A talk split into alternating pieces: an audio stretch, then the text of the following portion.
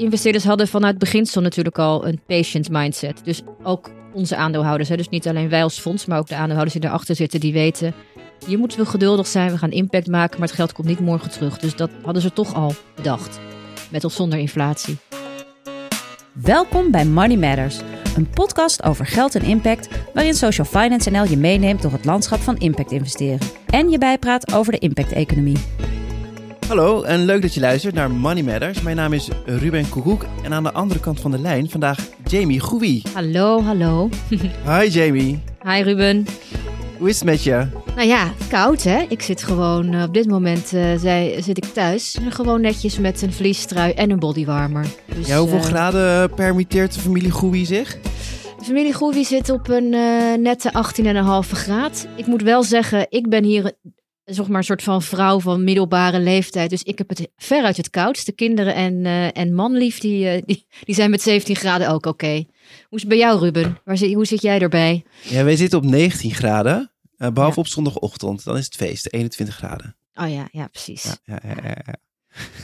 ja, het is, uh, het is wel even wennen. Ik ben wel ook wel van de, van de, van de warmte, maar goed. En ik heb, we hebben ook gewoon nog steeds het oude contract. Dus die, dat gedragsverandering komt zonder die, uh, zonder een financiële impuls. Maar 1 januari, dan houdt het bij ons uh, op.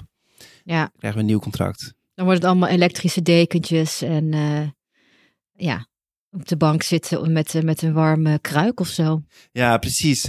Hey, en Jamie, we gaan ja. het dus ook hebben over, uh, over inflatie. En de centrale vraag van vandaag is: is inflatie funest voor sociaal ondernemers? Um, en uh, om die vraag te beantwoorden, heb je mij ook naar Co-Finance the Future gestu gestuurd gisteren. Ja. En daar ging ik ook naartoe, want ik hoopte jou daar te ontmoeten. Um, maar um, um, oké, okay. Ik was anyway, er niet. Het was, een, was een hele fijne avond. Daar gaan we niet te veel over hebben. Ik heb met je collega Jelena heel, heel uitgebreid gesproken. was erg leuk. Maar inflatie. We, het, het treft ons allemaal. Uh, nu waren de inflatiecijfers van uh, november bekend. Dat was zo'n 10%. Um, maar de vraag die ik met jou wil behandelen is: treft het sociaal ondernemers nou zwaarder dan reguliere ondernemers of niet? En wat is jouw ervaring daarmee in de praktijk als impact-investeerder? Want ik heb je niet geïntroduceerd. De meeste kijkers kennen jij jou, maar jij bent partner uh, bij de Shaping Impact Group en uh, beheert een aantal impactfondsen. Ja, en de kijkers kennen mij, maar kennen de luisteraars mij ook? Dat is natuurlijk de vraag. Ja. Ja, ik denk het wel. Als ze, als ze af en toe hebben geluisterd. ja, want de mensen die nu kijken naar hun, uh, naar hun uh, uh, Spotify, ja, dat zijn natuurlijk ook niet de slimste. ik, maar jij bent ook op YouTube te vinden. We zetten hem soms wel eens op YouTube. Oh, echt? Oh, oké. Okay, Deze okay, niet. Dan hou ik Deze niet. mond. Je, je, okay. Ik ga, gewoon, ik ga gewoon een beetje voor de kijkers van Spotify. Weet je, dat is dan het niveau waar we nu op insteken. Oké, oké. Nee, maar lieve luisteraars, we maken een grapje. Uh, ja, inderdaad. Nou ja, ik ben geen, uh, ik ben geen econoom, Ruben. Jij wel. Dus ik, praat, ik ga een beetje praten als ervaringsdeskundige vandaag. Doe over dat. wat ik gewoon Doe dat. zie. Ja. Dus uh, is het gisteren nog naar, naar voren gekomen bij Koof of, het hele, of, niet, of niet specifiek? Niet specifiek, maar ik heb het wel um, gevraagd aan, aan collega-investeerders. Zo kwam ik Freya Vermeer tegen van Stichting Doen. En ik vroeg haar of sociaal ondernemers nou meer last hebben van um, inflatie dan hun collega-ondernemers. Oh, ik ben wel benieuwd wat ze zei. Freya Vermeer, Stichting Doen. Um, inflatie raakt iedereen, maar raakt het sociaal ondernemers nou meer dan reguliere ondernemers? Dat uh, denk ik wel. Dat sociaal ondernemers er meer door geraakt worden. Hangt natuurlijk wel van de sector af. Waar ze actief zijn, hoe lang ze actief zijn, hoe groot ze zijn. Uiteindelijk zijn ze vaak toch afhankelijk van ja, hogere kosten die ze moeten dragen als ondernemer. En door de inflatie, maar ook door de stijgende energieprijzen, uh, uh, moeten ze dat toch doorberekenen. En dat komt vaak niet ten goede uiteindelijk van hun eigen businessmodel. Dus is dat wel echt een uitdaging. En dat doorberekenen is dan lastig voor ze? Ja, dat zie je natuurlijk ook wel dat je de hele true cost, true pricing uh, trend uh, nou ja, eigenlijk wordt geïmplementeerd. Dus dat vooral sociaal ondernemers ook al proberen om bepaalde kosten te integreren in de prijs. Maar dat de consument daar natuurlijk ook niet altijd toe bereid is om dat te betalen. En nou ja, dit zou dan eigenlijk er ook nog eens bovenop komen. En dat maakt het wel extra lastig voor ze. Dankjewel. Nou, dus Freya zag dat er, dat er wel veel meer last was van, bij sociaal ondernemers van die inflatie. Zie jij dat ook in de, in de praktijk? Ja, nou ja, eigenlijk uh, als ik gewoon kijk naar onze portfolio, zie ik het niet direct. En ik snap wel waar zij het over heeft en met true pricing. Als je daar al mee bezig bent, dat, en dat is heel belangrijk. En dan lig je natuurlijk al vaak wat hoger dan de race to the bottom-achtige prijzen. En als je dan nog inflatie hebt, dan wordt het misschien te duur voor sociaal ondernemers. Dat is eigenlijk een beetje wat ik haar hoor zeggen. Maar wij zitten sowieso. Onze, onze portfolio bestaat uit bedrijven die een sociaal-maatschappelijk probleem oplossen. Dus niet, niet per se iets wat richting uh, uh, klimaat- of energietransitie gaat. En daar zie je eigenlijk dat hoe groter de maatschappelijke crisis, hoe meer aandacht er is voor type onderneming of innovatie wat ze hebben. Dus wij werken bijvoorbeeld met Helper, die koppelen mensen uit de buurt aan elkaar, zodat mensen elkaar tegen een klein tariefje makkelijker kunnen helpen. Ja, hoe, hoe duurder alles wordt, hoe sneller mensen elkaar vinden. Dus Helper gaat goed. Uh, dat zien we ook met We Are Digital in, uh, in, in Engeland. Die helpen uh, mensen met, met, met, digitaliseren, zodat ze sneller op het internet komen. Ja, eigenlijk zijn bedrijven omdat de kosten van de niet-digitale klant stijgen, wordt Mhm. het dus nog belangrijker om alle mensen digitaal te maken. Dus daar zien we eigenlijk juist een groei in tijden dat het economisch niet zo goed gaat. En dat zagen we overigens ook tijdens corona. Dus tijdens corona ging onze portfolio lekker. Want eigenlijk tijdens de crisis gaan, eh, zijn sociaal ondernemers die een sociale oplossing hebben. eh, ja, komen, dan komt eigenlijk hun innovatie heel goed uit de verf. Of dan wordt de noodzaak van de innovatie heel duidelijk. Dat, dat geldt eigenlijk voor meerdere bedrijven. Dus wij zien dat eigenlijk niet. Maar wat ik wel zie, ehm, is dat de ondernemers zich daar heel druk over maken. Dus weet je, Hmm. en, en er is ook een verschil. Er is ook een verschil tussen of die ondernemers in de stad zitten of meer buiten de randstad. Dus in de, ik, Ja. ik denk ook dat in de randstad er veel wordt gesproken over inflatie en hyperinflatie. Daar zijn ondernemers in paniek, terwijl het nog niet uit de cijfers blijkt. Terwijl ze nog best wel, best wel klanten binnenhalen. En daar vind ik het soms wel lastig om nou.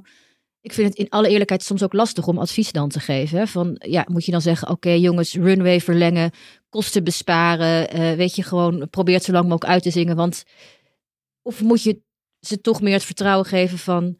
Ga rustig door, je groeit. Ga niet alleen maar anticiperen op een worst case scenario. Dus daar voel ik een soort verantwoordelijkheid. Dat vind ik soms ook gewoon ingewikkeld. Maar die, dat is, eh, vergt even uitleg, hè? dat runway ver- eh, verlengen. Dus dan ga je Ja. ervan uit dat dat zijn bedrijven met een negatieve cashflow, die dus investeerdersgeld nodig hebben. Ja, En die, hun runway, dat is zeg maar de, het aantal maanden of jaren wat ze hebben tot het geld op is en ze nieuwe investeerders moeten aan, eh, aanboren.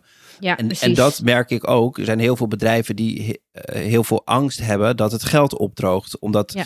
de investeringen ehm, van venture capital partijen, dus eh durfinvesteerders, dat dat, eh, die zijn enorm omlaag gegaan afgelopen half jaar. Of afgelopen jaar eigenlijk. Dat heb jij En gehoord dat- vanuit ondernemers. Nou, je spreekt eh, wel ondernemers die inderdaad Ja. heel bang zijn dat ze, dat ze dus dat het geld opdroogt, dat ze niet nieuwe investeringen krijgen. Maar dat zijn allemaal ondernemers die durfkapitaal aantrekken en ehm, ja, dus eigenlijk gro- groei kopen, eh, verlieslatend zijn en in de toekomst eh, veel geld daar dan kunnen verdienen. Ja. Eh, dus dat is een type ondernemer die misschien die jij niet altijd in de boeken heeft, want jij hebt natuurlijk ook wel wat minder snelle groeiers, maar die wel al winst laten zien. Ja, of in ieder geval omzet. Dus ik denk wel dat aan de kant van, eh, en dat, dat zien we trouwens ook, dus echt het seed capital. Ja. En de appetijt van angels om nu in allerlei risky business te gaan stappen, ja, die, die verlaagt. En dat is wel, de, dat is wel eigenlijk de eerste ronde eh, die nodig is voordat wij als venture capitalist impact investeerders in kunnen stappen. Want we willen wel wat tractie zien. Dus eh, proof of product, proof of market. Idealiter al helemaal een uitgedokterde product market fit. Dus dat betekent dat ze echt al precies weten wie gaat er nou voor mijn product Ja. betalen en hoeveel. Ja, en dat droogt dan een beetje op, omdat die vroege fasesfinanciering wel een beetje blijft haperen. Maar ik moet zeggen, het is niet zo dat het een totaal drama is. Dat we echt zien dat al die angels en die vroege fase investeerders helemaal hun hand op de knip houden. Dus dat valt toch nog wel eh, goed mee. In de impactwereld. Of daarbuiten. Nou ja, wij. wij, eh, daarbuiten. Ja, ik, ik denk wel dat er, dat er een aantal. eh, ja, zeker in die, in die blockchain-achtige. Daar, daar gaat het wel helemaal mis. Daar, daar kennen Ja. wij ook wel wat ondernemingen. Daar is, ja, dat, dat, dat, dat valt een beetje om. Maar ik moet, moet zeggen, bij ons, ook, ook als we SaaS solutions hebben die een sociaal probleem oplossen. Nou ja, dat, dat daar nog wel meevalt. En je hebt natuurlijk wel partijen die geld hebben, eh, die een beetje losstaan van de inflatie, zoals de regionale financieringsmaatschappijen, alle ROMs bijvoorbeeld. Die, die zijn toch wat minder inflatiegevoelig, denk ik. Dus Ja. dat, helpt, dat helpt eigenlijk wel eh, om de economie een beetje draaiende te houden, want zij blijven wel investeren. En dat, dat er minder geïnvesteerd wordt nu, dat, dat is vooral omdat de rente hoger is. Dat is weer een afgeleide van de inflatie, maar dat is net weer een, eh, een ander fenomeen. Ehm, Ja, of, of omdat ik, ik weet niet of het door die rente. Denk jij dat het door die rente komt? Deels, want het kan ook gewoon dat je dat, dat mensen. Kijk, als mensen elkaar bang maken of echt bezorgd zijn, dan houden ze natuurlijk überhaupt liever, gaan ze dan niet meer ja, ri- risico-investeringen doen. Ja, maar het is wel een logica natuurlijk dat als. Nou, dat is ook inflatie. Kijk, als, er, Ja, ja. als jij een verliesleidend bedrijf hebt, maar over tien jaar verwacht je eh, een miljard aan dividend, dan is dat, dat miljard over tien jaar een stuk minder waard met een, met een hoge inflatie, Inflatie. dan nu. Ja. Ehm, Ja. Anyway, we gaan het over sociaal ondernemers hebben en of die last hebben van inflatie. Nou, Vrijer gaf aan ehm, dat eh, bijvoorbeeld eh, met, eh, met consumentenproducten, dat daar wel degelijk last zit in de portefeuille. Ik had even opgezocht. De cijfers ondersteunen dat ook. Hm. Ehm, dus bijvoorbeeld vleesvervangers. Ehm, er wordt 5% minder vleesvervangers afgenomen afgelopen tijd. Maar en ook biologisch voedsel en biologisch dynamisch voedsel is in de min. En natuurwinkels schijnen het heel slecht te doen. Ehm, dus eigenlijk wat je zag is dat bij corona eh, dat er gezondheid steeds belangrijker wordt. Dus mensen heel veel geld staken in gezonde producten. En mensen zagen biologisch ook als gezonde producten. Maar dat ehm, nu de inflatie stijgt, dat goedkoop veel belangrijker wordt in de supermarkt. En dat mensen op zoek gaan naar de goedkope producten. Dus ik kan me voorstellen dat als je als impact-investeerder veel consumentenproducten in je, in je portfolio hebt, dat je dat wel, ehm, wel voelt. Ja, dat denk ik ook. Ik zit ook eventjes. Ik zit ook even te denken aan, eh, aan onszelf, dus aan mijn eigen gezin. Dus wij kopen ook minder biologisch, maar niet dus meer. eh, of nee, sorry. Wij kopen sowieso minder eh, vleesvervangers, maar ook minder vlees. Snap je? Dus wij kopen over het algemeen gewoon minder. Ik vraag me dan af of, men, kijk, of mensen minder vleesvervangers bijvoorbeeld kopen en dan meer goedkoop vlees. Of gewoon zeggen: nee, we zijn gewoon over het algemeen veel voorzichtiger met wat we kopen. Dus we kopen echt heel gericht van wat we ook op kunnen eten. En we letten daar beter op. Dat, dat, dat, Hmm. dat, dat, is, dat is gewoon een, iets wat ik me afvraag, want dat geldt bij ons wel. Dus, dat, komt dat, dus normaal zou je misschien zeggen, oh, twee voor de prijs van één. Oké, dan kopen we gewoon eh, twee keer die falafelballetjes. En nu doen we dat ook niet. En dat is niet, eh, om, en het is ook omdat we het ook misschien gewoon niet opkrijgen, dat we daar bewuster mee omgaan. Maar dat is, een, Ja. dat is, dat is een vraag. Dat kan, dat kan ik me ook voor. Dus daarom ook al dat soort type berichtgeving die ik ook heb gelezen in de krant. En dan denk ik, ja, maar zijn we nou elkaar bang aan het maken? Of is het echt zo dat mensen dan weer teruggaan naar vlees? Want dat is niet per se gezegd. Dat, of wel? Ja, die, die, dat, dat, dat weet ik ook niet. Dat is een go- goede, go- goede vraag. Ik denk ook dat, kijk, uiteindelijk gaat het natuurlijk bij elk bedrijf en ook bij elk gezin van wat komt er binnen Mhm. en wat gaat er uit. Ja. Dus, dus bedrijven, eh, dus aan de uitgavenkant hebben bedrijven natuurlijk last die bijvoorbeeld een hele hoge energierekening hebben, Ja. sauna, Ja. zwembaden, ehm, of misschien dat sociaal ondernemers net iets vaker in historische panden in de binnenstad zitten of zo. Ja. Ehm, en wat, wat, de- maar daar zie je niet echt natuurlijk dat sociaal ondernemers daar aantonend over, over de hele linie, over allerlei domeinen eh, het anders hebben. Het gaat per sector, moet je daar kijken wie het lastig heeft en niet. En dan Ja. aan de inkomstenkant, ja, daar, dus met consumentenproducten snap ik dat. Eh, maar met producten bijvoorbeeld, er zijn ook veel sociale ondernemers die de overheid bedienen. Nou ja, die geeft nog wel flink uit. Eh, dus volgens mij is het een, een, een wat vertroebeld beeld. Ja, dat denk ik ook. Weet je wat, wat, wat je wel zou moeten, moeten gaan zien eh, in zo'n jaar van inflatie, of waar iedereen het heeft over inflatie, dan vaak zou dat ook moeten leiden dat het een goed vintage jaar wordt voor investeerders, hè? omdat de waarderingen ook een stuk omlaag gaan. Dus daar zitten wij nog een beetje op te wachten. Dat zien we niet. eh, dat zien we niet, eh, ja, zal maar zeggen, overduidelijk. Maar er zijn nu wel de eerste hints dat die waarderingen een beetje naar beneden gaan. We hebben echt een tijd gehad, dat was nog tot, tot verleden jaar, of eigenlijk laten we zeggen, nog zeker wel tot voor de zomer, dat de waarderingen van een echt een start-up, die nog nauwelijks is begonnen en nog nauwelijks echt tractie laat zien, al zo hoog waren dat wij eigenlijk onze appetite verloren om daar nog in te stappen. Uh, dat was jammer. Uh, maar goed, dat, dat loopt nu wel een beetje terug. En dat is denk ik ook wel goed. Dat stabiliseert ook een beetje de, de markt. Ja. Dus, en, en, en, nu, en als we dan terugkomen op wat we net zeiden, misschien is dat ook wel voor. Ja, angels die zitten misschien, die doen vaak misschien in eerste instantie een soort convertible loan, loan dat weet ik niet. Maar het feit dat ondernemers iets uh, bescheidener zijn met wat ze hun eigen uh, bedrijf waard vinden omdat ze ook wat meer onzekerheid kennen, omdat er misschien meer inflatie komt. Dat is denk ik, dat is een beetje een counterbalance uh, voor, voor angel investors en investeerders ten opzichte van het risico op zich. Want ja, de waardering wordt ook wat lager. Ja, precies. Dus oh, de, voor consumenten gaat de prijs omhoog, maar voor investeerders en impact-investeerders in dit geval gaat de prijs eigenlijk omlaag, omdat de waarderingen lager zijn, omdat er wat ja. paniek in de markt is, er wat ja. een negatieve sfeer in de markt. Ja. Nou ja, negatieve sfeer in de markt. Ik denk ook dat uh, ondernemers wat realistischer worden. Als het gewoon allemaal heel, heel goed gaat, dan is ook steeds de sky is the limit. En de, ik denk dat uh, mensen die starten, en ze hebben een goed idee. Die krijgen in eerste instantie best wel heel veel complimenten. Of je kan zeggen eh, veren in hun achterste gedrukt. Want ze hebben iets heel moois uitgevonden. En dat is heel gaaf. God, dat zou je wel op kunnen schalen. En dat is wat, wat, wat een fantastisch iets. En daarvan daar krijg je heel veel zelfvertrouwen van.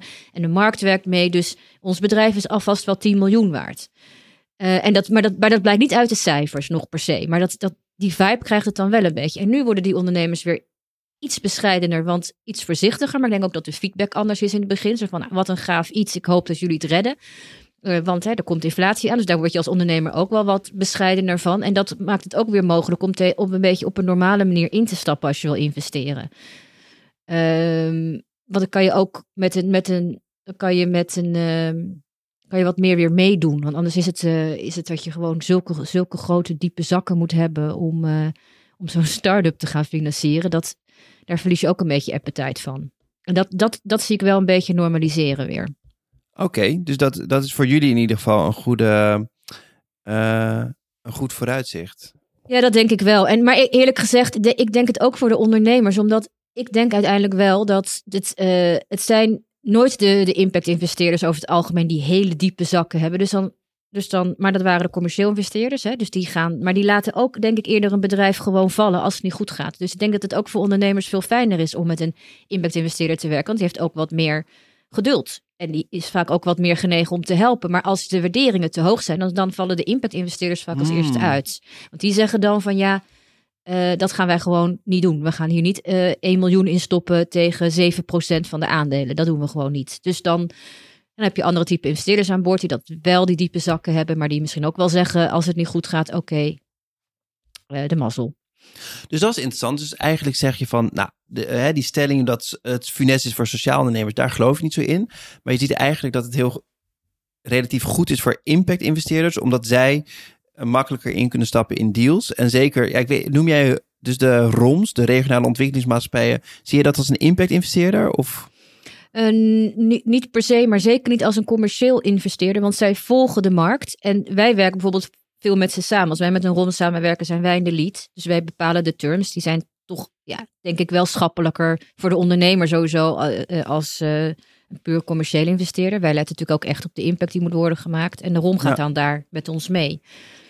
En dan heb je sowieso al twee investeerders in boord, aan boord in plaats van één. Dat kan ook beter zijn voor een, voor een ondernemer. Want hè, anders dan is het jij en die ene investeerder. En dan, die, die, geef, die geef je dan ook heel veel macht. En ik denk dat het gewoon goed is om een verhouding te hebben binnen je investeerdersteam van de ondernemer die aandelen heeft. En dan nog liefst nog twee andere partijen. In ieder geval niet nog één andere partij. Want dat is vaak, ja, geef je dan te veel macht ook uit handen, denk ik. Nee, precies. En, en die kunnen wel ervan profiteren dat de markt wel iets tegen zit. Zeker zo'n ROM, omdat die anticyclisch kan opereren. Hè. Die hoeft geen geld aan te trekken van allerlei buitenlandse partijen en LP's. En ja, oké. Dit is wel mijn uh, gewoon wat ik, wat ik zie. Hè. Dus ja, ik zeg maar wat, ik, wat mijn observaties een beetje zijn. Het is niet met, uh, per se met cijfers onderbouwd. Dus dit is mijn disclaimer voor de luisteraars en zeker voor de kijkers. Uh, nee, maar daar bellen we je ook voor. En ja. um, toevallig gisteravond waren we, kwamen er wel cijfers, werden er onderzocht over uh, impact investing. Oh ja. Ehm, in, nee, dus, maar er zijn eigenlijk heel weinig cijfers over. Maar iemand had gewoon in Excel even een model gebouwd wat er goed, uh, waar je wel een indruk krijgt. En dan, zie je wel dat het enorm in de, in de lift zit. In een tijd dat de VC-investeringen, daar zijn wel wat de algemene venture capital investeringen uh, enorm aan het dalen zijn. Want volgens mij wordt 2022 zeker tweede helft van het jaar wel echt een slecht jaar als het gaat om venture capital investeringen in, in Nederland. Dus volgens mij onderbouwden die cijfers wel jouw idee dat impact investing echt in de lift zit ten opzichte van andere, uh, andere um, investeerders. Ja, en de meeste, VC, de meeste impact investeerders zijn closed-end funds. Dus dat betekent dat ze het geld al, al hebben en kunnen uitgeven. En Hmm. Evergreen is dat ook anders. Ehm, wij hebben ook. Kun je dat ons- even uitleggen, het verschil tussen close-end en evergreen? Ehm, nou ja, dan heb je met een evergreen heb je, eh, dan, eh, dan heb je geen einde aan je fonds. Dus je kan gewoon daarin investeren en je kan er ook uit wanneer je wil. Je kan er ook heel lang in blijven zitten. Eh, nou goed, maar het is ook wat minder duidelijk hoeveel geld er in het evergreen fonds zit. Want mensen kunnen het er ook makkelijker uithalen. Ja, het- geld wat de investeerders erin stoppen blijft meer liquide, zal maar zeggen. Dus mensen kunnen dat er ten alle, tijde insto- ten alle tijden instoppen, maar ook makkelijker ten alle tijden uithalen. En dat betekent dat je als investeerder dus voorzichtiger moet zijn. Want straks heb je helemaal ga je verplichting aan die je niet kan waarmaken. En bij een closed-end fund zeggen mensen op voorhand toe. Van zoveel ga ik daarin stoppen. En dat heeft ook gewoon een einddatum. Dan moeten wij alles weer uitkeren. Dus wij, hebben, wij weten wat we hebben en dat kunnen we uitgeven. En eh, ja, zolang, zolang er leuke, mooie bedrijven blijven, kunnen we daar dus gewoon in investeren. Kijk, niet- helder. Ja, dus dat is misschien, ik denk dat de meeste impactfondsen closed end zijn. Dus die hebben al hun commitments en dat loopt dan door. Hebben sociale ondernemers eigenlijk ook voordelen eh, bij deze inflatie ten opzichte van reguliere bedrijven? Ja, ik, ik, ik zit even terug te denken inderdaad aan dat fragment eh, wat je ook liet horen. Dat, dat klopt natuurlijk met dat hele verhaal ook, ook weer over, over true pricing inderdaad. Maar ik denk wel dat sociaal ondernemers meer potjes hebben waar ze aanspraak op kunnen maken. Dus juist ook een stichting doen hè, helpt natuurlijk de ondernemers in hun portfolio. Daar hebben ze ook wel de middelen voor. Dat geldt overigens ook voor veel stichtingen en fondsen die ook al op dat snijvlak zitten van filantropie en venture philanthropy en dan ook nog wel sociaal ondernemers kunnen steunen. Maar volgens mij heeft gewoon de Turkse bakker in de straat en eh, de wasseretten en die hebben het volgens mij echt heel moeilijk. Daar is gewoon niks voor, daar is nul financiering voor, die vallen om en dan is het voorbij. En ik denk dat, er, dat juist die ondernemers die ook nog een mooi verhaal hebben over hoe ze bepaalde impact maken, dat er toch veel meer steun voor te vinden is. En dat het ook mensen zijn die creatiever zijn om die steun te kunnen vinden. Dus het is er meer. En Ja. ze zijn. Dus nou, ik, ik, denk niet, ik denk niet zomaar van die ondernemers zijn extra zielig. Ik denk eigenlijk dat ik, ik heb echt te doen met de broodondernemers. Dus degene die niet ondernemen voor een, met een flashy product, maar gewoon proberen hun lokale nagelstudio, kapsalon, ehm, eh, bakkerij gewoon open te houden. Ja. Ik denk dat die het echt het zwaarst hebben. Maar dat is. ehm, ik zal straks even vragen als ik straks door de winkelstraat loop hier. eh zal ik even vragen bij de meneer van de wasserette hoe het met hem gaat. Maar dat is een beetje wat ik, wat ik, wat ik, wat ik zie, laat ik zo zeggen. Ja, nee, dat, eh, dat, dat snap ik. Ja, en hetzelfde als ook in de coronatijd. hè, Dat je bijvoorbeeld eh, eh, commerciële ehm, mu- muziekvoorstellingen, die hadden het heel lastig. Want alle kaartjes, ja, die inkomsten waren niet meer. Maar dus gesubsidieerden, die konden, om die, daar- die, daar waren allerlei regelingen voor. Of die subsidies bleven wel stromen. En Ja. dat effect zou je ook kunnen hebben in de markt van sociaal nemers. Ja, ja, en ik ben natuurlijk, ik zit natuurlijk in, ik, ik ben een investeerder in sociaal ondernemers. Dus ik wil hier ook niet gaan zitten zeggen dat het voor hun makkelijk is. Maar om nou te zeggen dat het extra, extra moeilijk is, dat weet ik gewoon niet. Ehm, ik heb wel met alle ondernemers te doen, want het is natuurlijk gewoon eh, niet leuk in, in- ondernemen in tijden van inflatie. Oké, dus is inflatie funest voor sociaal ondernemers? Wat jou betreft niet. Eh, en het biedt juist heel veel kansen voor impact-investeerders, als ik dat eh, zo hoor. Ja, impact-investeerders hadden, ja, impact-investeerders hadden vanuit beginsel natuurlijk al een patient mindset. Dus ook onze aandeelhouders. Hè? Dus niet alleen wij als fonds, maar ook de aandeelhouders die erachter zitten, die weten, hier moeten we geduldig zijn, we gaan impact maken, maar het geld komt niet morgen terug. Dus dat hadden ze toch al bedacht, met of zonder inflatie. Kijk, helder. We gaan door naar de uitsmijter. We sluiten altijd af, zoals je weet, met de uitsmijter. Wat gooit Money Matters het liefst vandaag nog het raam uit? Ja, ik weet het. Ehm, heb jij een goeie, Ruben? Ja, ja, je hoort nu heel veel over energiearmoede of transportarmoede of allerlei verschillende armoedes. En ik, ik heb daar moeite mee om dat per onderwerp te benoemen. Je hebt armoede, dat betekent dat er te weinig binnenkomt om de uitgaven te kunnen doen die je moet uh, uh, doen. Maar ik zou dat niet op elk thema plakken, zeker niet op energie. Want dan is het. Dan is de volgende stap is dat je dus energie goedkoper moet maken om dat betaalbaar te maken. Maar dat is volgens mij niet hoe het werkt. Je moet mensen genoeg geld geven zodat ze hun uitgaven kunnen doen, maar dat ze ook alternatieven kunnen bedenken. Uh, dus ik zou armoede armoede noemen, maar ik zou niet op elk verschillend onderwerp dat woord plakken. Nee, dat is heel irritant, ben ik met je eens. Je had ook, het begon met creatieve armoede. Weet je, dat, ja, dat is hmm. toch creatieve armoede. Um, maar ja. Ik wil wel een uitzondering maken voor bloedarmoede, want dat kan je niet op een andere manier aanvullen. Nee, precies, precies. Nee, je kan niet zeggen van anders ga je eventjes... Uh, nee, ja. dat kan niet. Bloedarmoede nee, is een nee. ander verhaal. Nee. nee, dus ik ben ermee eens. Laten we die... Uh, die, uh, die doen we weg, ja? Gesek, ges, ja, gefragmenteerde armoedes de deur uitsmijten. En wat gaat nog ja. meer raam uit? Ja. Um, nou ja, ik vind eigenlijk wel dat, uh, dat al die uh, race to the bottom uh, kleding, kledingwebsites of die kledingwinkels zoals ja, Shine of Shein, ik weet niet hoe je dat moet zeggen. maar ik krijg daar gewoon altijd in allerlei feeds die ik heb altijd heel veel reclame over. En denk echt, als je dan gewoon ziet hoe goedkoop die, die spullen zijn, nog inclusief de, ja. de verzendkosten erbij. Denk echt, dat kan toch echt niet meer in deze tijd. Daar moet je toch gewoon met z'n allen mee stoppen. Dus dat, uh, dat vind ik er eentje die we, ja, dat, daar moeten we, we moeten gewoon, als we het hebben over true pricing, dan mag dat wel als eerste aangepakt worden. Fast fashion gaat de deur uit. Ja, maar het is ultra fast fashion, hè, geloof ik, noemen ja. ze het nu zelfs. Ja, dat moet de deur uit. Ja. ja. Toch weten ze jou nog steeds met die targeted marketing wel te vinden. Ja, dat is ongelooflijk. Als ik ook één keer op een kinderfiets uh, google, dan uh, krijg ik gewoon maandenlang uh, kinderfietsen. Dat je echt daar. Ik heb daar een keer ook een artikel over gelezen dat dat gewoon totaal contraproductief werkt. Ik zet dus altijd ook al mijn cookies uit, omdat ik dat zo vervelend vind. Dat je dan als je één keer heel even kijkt voor een neefje die een fiets misschien wil, dat je daar mee, wordt doodgestrooid. Ja, mijn, en mijn kinderen zitten ook op mijn laptop af en toe, dus ja.